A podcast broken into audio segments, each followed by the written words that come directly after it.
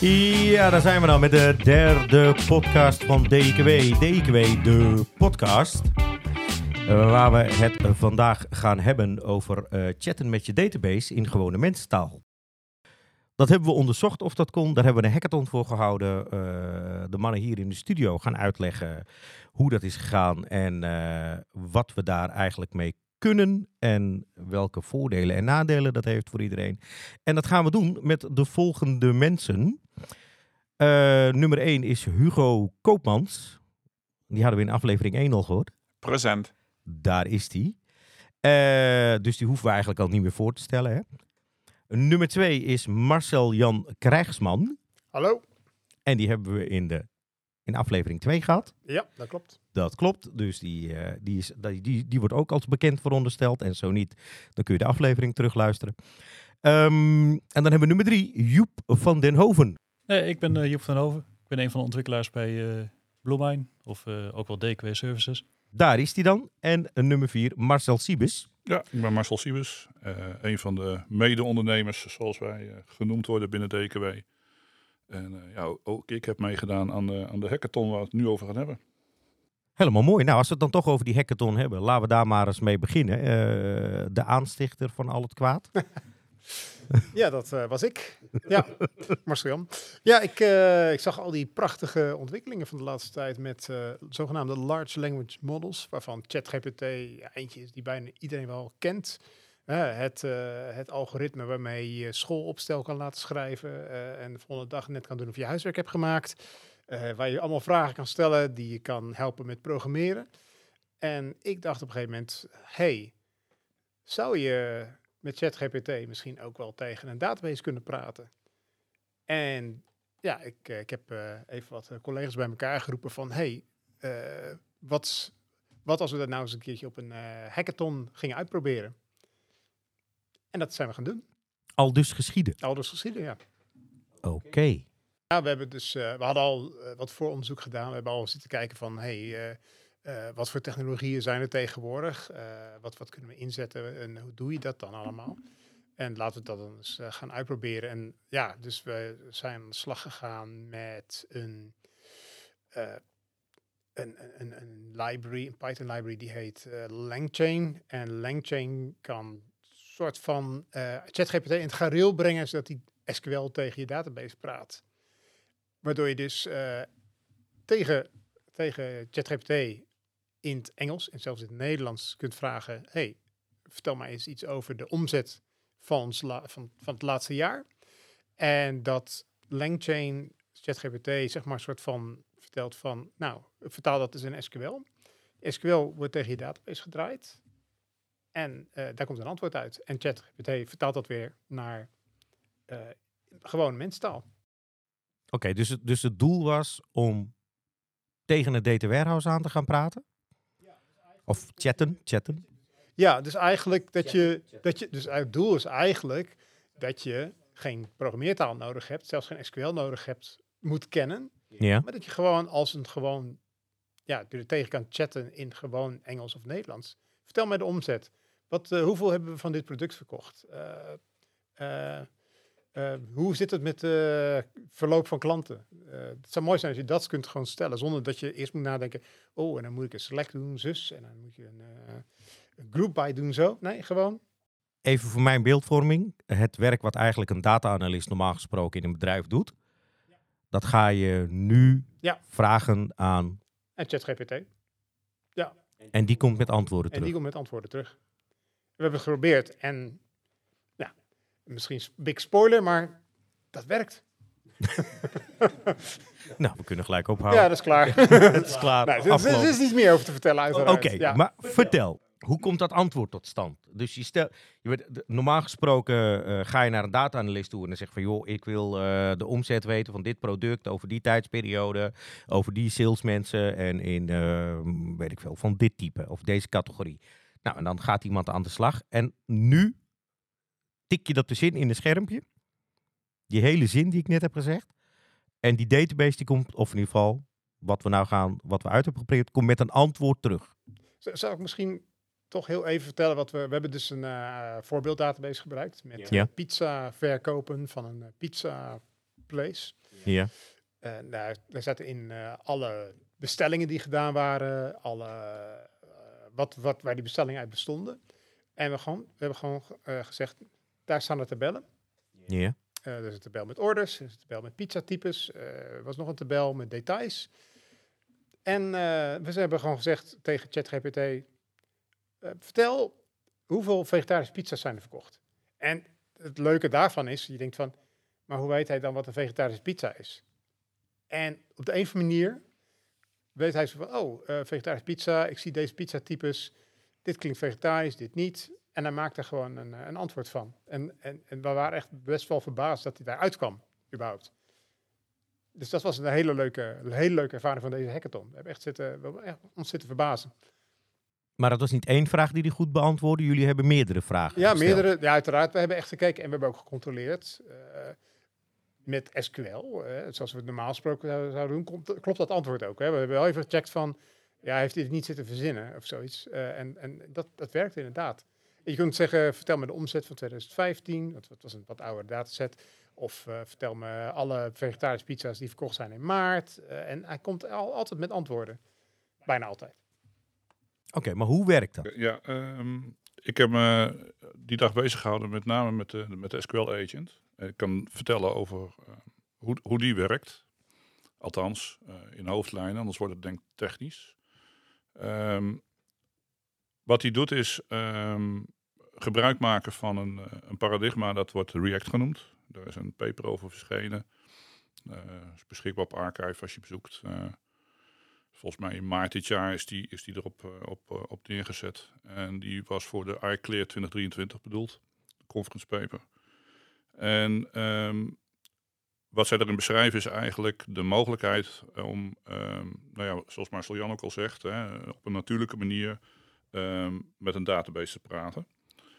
En ehm, het paradigma wat, wat daar gebruikt wordt, is dat er eh, gekeken wordt van, nou, oké, hoe, hoe, hoe doet de mens dat? Hè? Een mens die, die redeneert, eh, acteert vervolgens, eh, observeert vervolgens wat er, wat er, wat er gebeurt. En in, in, die loop kan je dus ehm, ehm, steeds verder je vragen en je denkproces zoals je het normaal doet, ook op een database loslaten. En het React frame, framework is het niet echt. Het is dus echt een paradigma wat, wat, je, wat we gebruikt hebben. Dat, eh, dat door, doorloopt een aantal stappen. Ehm, het begint altijd met een action. En de action in, is- in eerste instantie voor de SQL agent was... ehm, ehm, geef mij de lijst van tabellen die in die database eh, aanwezig zijn. En vervolgens eh, is de observatie de uitkomst daarvan. Hè. Dit zijn de tabellen. En dan vervolgens eh, is, is er een, een thought van, ja oké, en nu? Wa- Wat heb ik nodig om de vraag te beantwoorden die gesteld wordt? En het begint natuurlijk initieel met een vraag. En, en, en die drie stappen die worden eh, iteratief doorlopen. eh, totdat hij er Dus een antwoord komt. Eigenlijk gewoon hoe, hoe normale Ja, want dat het. React-paradigma is dus echt bedoeld om te implementeren dat, wat, wat eh, de mens uniek maakt. Dus redeneren en acteren. En, en, en dat eh, proces, procesmatig iteratief te doen. En eh, dat is eh, heel mooi zichtbaar ook met die, met die SQL agent. Die, eh, ehm, je kunt hem op verbose mode zetten, waarbij je dus die acties heel mooi langs ziet komen. En je ziet hem door het proces heen lopen. De, de vraag die je gesteld hebt in natuurlijke taal, die, die gaat heel langzaam vertaald worden naar een werkende SQL-query. en die ook wonderbaarlijk het antwoord levert wat je vraagt. Eh, de vraag die wij stelden was van nou, wat is de, de revenue, de total revenue eh, voor tussen, tussen Q1, of het verschil in revenue tussen Q1 en Q2 van 2015 in procenten. En ehm, ja, het, het, het fijne is dat hij doorheeft dat Q1 van 1 januari tot en met 31 eh, maart loopt. Eh, en, en voor Q2 wist hij natuurlijk ook precies hoe dat in elkaar stak. Dat hoef je niet te vertellen, dat heeft hij zelf door. Ehm, en, en een total revenue, er is geen veld in een tabel die dat direct weergeeft. Ehm, en je ziet in het, in het proces dat hij op een gegeven moment toe eh, stapt naar een, een rekensommetje, hè, quantity times eh, price, om vervolgens die omzet te berekenen. Je, je hoeft het hem allemaal niet te vertellen, dat ontdekt hij zelf. En uh, ja, dat, dat is bijzonder, bijzonder uh, gaaf om te zien. Maar dit is dan de SQL agent. En dit hele proces bestaat uit een aantal stappen. Want je tikt de vraag in, dan gebeurt er iets, dan komt die SQL agent volgens mij. Maar ik kan het nou wel gaan uitleggen, maar ja. volgens mij moeten jullie gewoon aan gaan kijken. Ja, ja, nou ja, dus inderdaad, je, je tikt de vraag in. Uh, en, zoals Marcel ook vertelt, hè, hij, hij uh, interpreteert die vraag, hij gaat een actie doen. En wat hij doet is, allereerst uh, dat langchain, die langchain library, die levert hem alvast, die weet ook van, ah, je gaat de database aan, aanspreken, dan heb je waarschijnlijk de tabellen nodig. Dus hij geeft, je alval, geeft alvast aan ChatGPT de create table statements. Dus die gaat gewoon alvast even kijken, wat zijn de, hoe zijn die tabellen opgebouwd? Hier, alsjeblieft, heb je dat? En volgens een bepaald magie. Uh, uh, ze, ze, hebben berekend dat, of ze hebben berekend, ze hebben uh, proefondervindelijk gevonden dat als je hem dan ook nog drie voorbeeldzinnen, voor, voorbeeldregels uit die tabel geeft, dan heeft hij dat ook al vast. En dan kan hij eigenlijk meestal alle vragen wel beantwoorden die op basis van die data. Op basis van die drie voorbeeldregels? Ja, drie voorbeelddata. Dat betekent wel dat als je met OpenAI, met ChatGPT werkt, dat die data, die drie regels, ook naar OpenAI gestuurd kunnen worden trouwens. We komen straks nog wel op waarom dat interessant is. Ja, ja eigenlijk wat die, die langchain dus doet, is door die uh, te forceren dat hij in die stappen denkt, kun je van een taalmodel kun je iets maken wat kan beredeneren. En dat is eigenlijk de, de hele grap van, de, van die aanpak. Want op zich een taalmodel kan alleen maar zeggen van is deze zin wel of niet waarschijnlijk. Maar door dus te forceren dat hij in stappen uitlegt wat hij gaat doen, zorg je dus dat hij ook checkt dat die zinnen die hij schrijft aansluiten op wat hij daarvoor heeft gezegd. Ja, dus dat hij ging doen. Ja. Dus dan weet je zeker dat die beredenering moet dus kloppen. Want elke zin moet volgen uit de zinnen die ervoor komen. Nou, maar e- even voor uh, normale mensentaal. Ja? Als ik aan Siri vraag, wat is het weer vandaag? Dan zegt hij, het is mooi weer in Nederland. En dan zeg ik, nee, in Amsterdam. Maar de zin in Amsterdam gaat in mijn context nog steeds over het weer. Hebben we het over zoiets? Ja, als dan zo'n zo taalmodel die, die uh, snapt dan ook dat, dat in Amsterdam dat het gerelateerd is aan die vorige zin. Ja. wat is het weer? Precies. Dus dat begrijpt hij. Ja. Maar door dus, uh, als je dan forceert van, ja, dan moet hij direct met een voorspelling komen van het weer. Ja, dan, dan verzint het model weer iets wat aannemelijk is, maar dat is niet per se correct. Ja. Maar door te forceren dat hij dan met de gedachte komt van, oh, Aniel wil kennelijk weten welk, wat voor weer het is. En kennelijk is het niet het weer van Nederland, maar in Amsterdam. Dus wat ik moet doen is ga naar knmi.nl, lees daar wat de voorspelling is voor regio Amsterdam. Dus dat doet hij vervolgens, dat mhm. is dan die actie die hij uitvoert. Mhm. Dan ziet hij, oké, dat is deze voorspelling. En dat vertaalt hij dan vervolgens weer terug als, oké, nu vertel ik aan Daniel van dit staat daar. Het wordt morgen 20 graden. Nou, goed om te weten. En droog. Dat is voornamelijk belangrijk. Ja, ja, ja. Dat is vooral belangrijk. Ja. Dan weet ik welke kleren ik aan moet doen. Dus Even samenvattend. In stapjes. Je stelt een vraag. Dan zit er een agent tussen. Um, en die gaat dan kijken wat er moet gebeuren. Dus die gaat of naar buiten toe om informatie op te halen. Of hij zegt, ik ga direct naar de database toe en ik ga kijken welke tabellen er zijn. Of die had ik eigenlijk al gekregen, want dat wist hij al. Of hij gaat kijken van, hé, hey, ik heb deze context. En ik moet nu binnen deze context, moet ik weer een nieuwe vraag gaan stellen. En dat itereert hij door. En uiteindelijk komt hij dan met een antwoord. Ja, dan denkt hij, oké, ik heb mijn vraag beantwoord en dit is het. En ik denk dat Hugo daar iets aan toe wil voegen. Ja, ik zal er nog, ik zal er nog wat aan toevoegen. Um, eigenlijk, eh, wat, zoals, wat Joep zegt, is eigenlijk de essentie van het verhaal. Hè? Dus die um, Langchain uh, agent, die doet ook aan zogenaamd prompt engineering. Hè? Dus die, de, de grote doorbraak eigenlijk in al die large language models is dat als je hem een complex uh, raadsel geeft, dan, dan verzint hij daarop een antwoord. En heel vaak is dat onzin. Als je hem daarna zegt van nee, ik wil dat je mij in stapjes uitlegt, dan uh, gaat het opeens allemaal hout snijden. Dus wat die agent doet, is met dat React framework, de prompt zo vullen dat hij zegt van ja, je moet redeneren in deze stapjes. Dus je moet eerst nadenken, dan moet je een actie opschrijven. En op basis van die actie levert dat resultaten op. En uh, dat kun je iteratief doen. Uh, dus ook die database agent en eigenlijk al die tools, die maken weer gebruik van een large language model om het volgende stapje te bedenken. of te schatten of te gokken. Uh, en, en, daar zit een stukje van dat wonderbaarlijke, de wonderbaarlijke wereld van die large language models. Dat dat dus blijkbaar werkt. Dus als je hem iets complex vraagt in één keer, dan verzint hij wat. En dat is 9 van de 10 keer onzin. Ja. Als je hem dezelfde vraag stelt, maar zegt: ben heel precies en geef mij stapje voor stapje hoe je tot dit antwoord komt, dan kan die niet anders dan door de logica in de taal veel slimmer een, een werkend of een, of een goed antwoord geven. En dat is best wel bijzonder. Marcel Jan, jij had het net over uh, data versturen naar uh, Open uh, AI en dat je daar even op terug zou komen, want dat gaf je aan hè? In, in je stuk wat je net vertelde.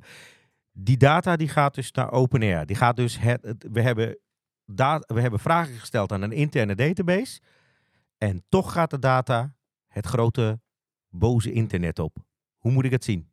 Um, nou, je moet eigenlijk vanuit gaan dat als je kijkt naar de voorwaarden van OpenAI, dat eh, de mogelijkheid bestaat dat dat gebeurt. En dus moet je er eigenlijk als bedrijf, als je persoonlijke informatie bijvoorbeeld hebt in die database, hè, eh, je data, uh, ja, database die valt onder de GDPR, de AVG, sorry, uh, dan moet je dus gewoon vanuit gaan dat dat dus gebeurt en dat je dat moet dus beschermen. Ja. Je, je, hebt je klantdata die je moet beschermen.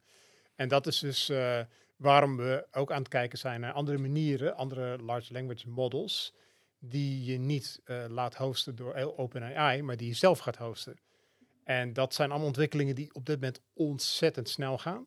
Mm-hmm. En nog niet alle antwoorden zijn er. Maar uh, dat is wel waar wij ontzettend de vinger aan de pols houden en dingen aan het uitproberen. Oké, dus waar we dan waar we nu mee bezig zijn om naar te kijken is niet naar OpenAI, maar een klein modelletje. Denk, denk aan dat je een modelletje inderdaad draait in je eigen server. Omgeving. Park. Die niet en naar buiten de data gaat naar jouw servers, niet naar, die, niet naar buiten. Oké. En, dat zou de oplossing Dat werkt ook? Daar uh, wordt nog aan gewerkt. Deel 2. Dat is, is dat. inderdaad, dat is een vervolg. Uh, daar zijn we wel heel erg mee uh, aan het stoeien. Omdat, want dat willen we heel graag werkend krijgen. Want dat zou ideaal zijn. Want nu kun je gewoon heel veel data niet op deze manier behandelen. En dat zou dan wel kunnen. Ja. Oké, okay, dus we hebben een podcast uh, kan ik praten met mijn database uh, deel 2 te pakken? Dat denk ik, ja. Maar wat heeft een, een, klant van DKW, wat heeft hij nou eigenlijk aan alles wat wij hier hebben gedaan? Ja, nou, je, je kunt je wel voorstellen dat niet iedereen kan programmeren. Dat niet iedereen SQL kan. Maar wel zijn heel veel mensen hebben vragen over de data. Wat, wat, hè, die, maar dat zijn businessmensen die niet programmeren willen leren, omdat, of misschien wel willen leren, maar die gewoon daar geen tijd voor hebben. Dat ze zoveel andere dingen aan hun hoofd hebben. Maar die, kunnen, die willen wel gewoon in gewoon normaal Nederlands weten hoe, hoe, hoe het bedrijf ervoor staat. En dat zou natuurlijk hartstikke mooi zijn, dat je zeg maar hun op die manier kunt bedienen. Dat is waar we eigenlijk naartoe willen. Dus waar het, waar het dan heen gaat is, ik zit achter me, ik ben business, ik kan geen SQL, geen Python, geen whatever, geen enkele programmeertaal. Ik zou niet eens weten hoe ik het op moet starten. Ik zet mijn computer aan, ik krijg een chat schermpje, ja. à la Google. En ik tik daarin, geef mij even de omzet van, da, da, da, da, noem het maar op, hè, wat je wilt hebben. En dan krijg ik, niet als bij Google, tien pagina's met antwoorden, maar dan krijg ik gewoon één antwoord. Precies.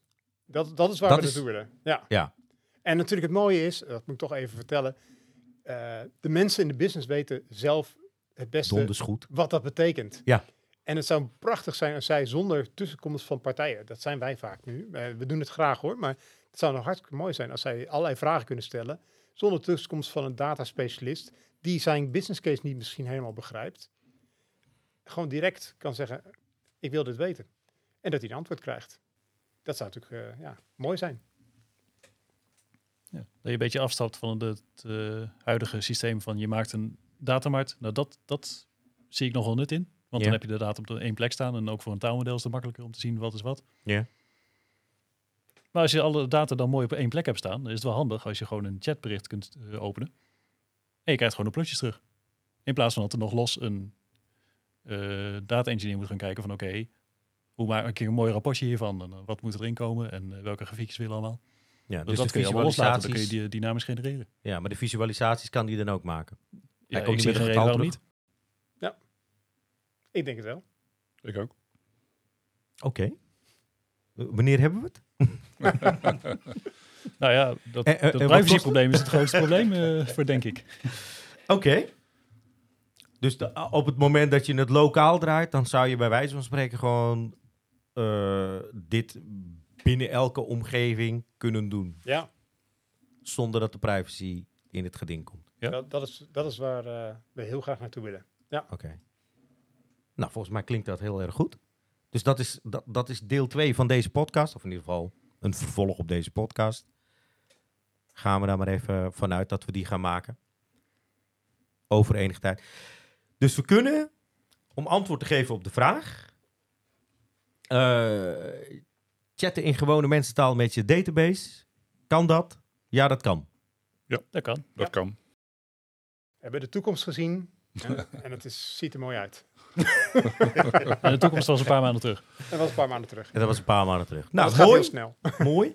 Hey, en, eh, ehm, ja, ik, ik denk dat we ondertussen een beetje aan de tijd zitten en dat we, dat we best wel wat informatie hebben gegeven aan eh, de mensen. Ik wil in ieder geval jullie bedanken voor de prachtig mooie antwoorden. Ik wil de luisteraars bedanken voor het luisteren.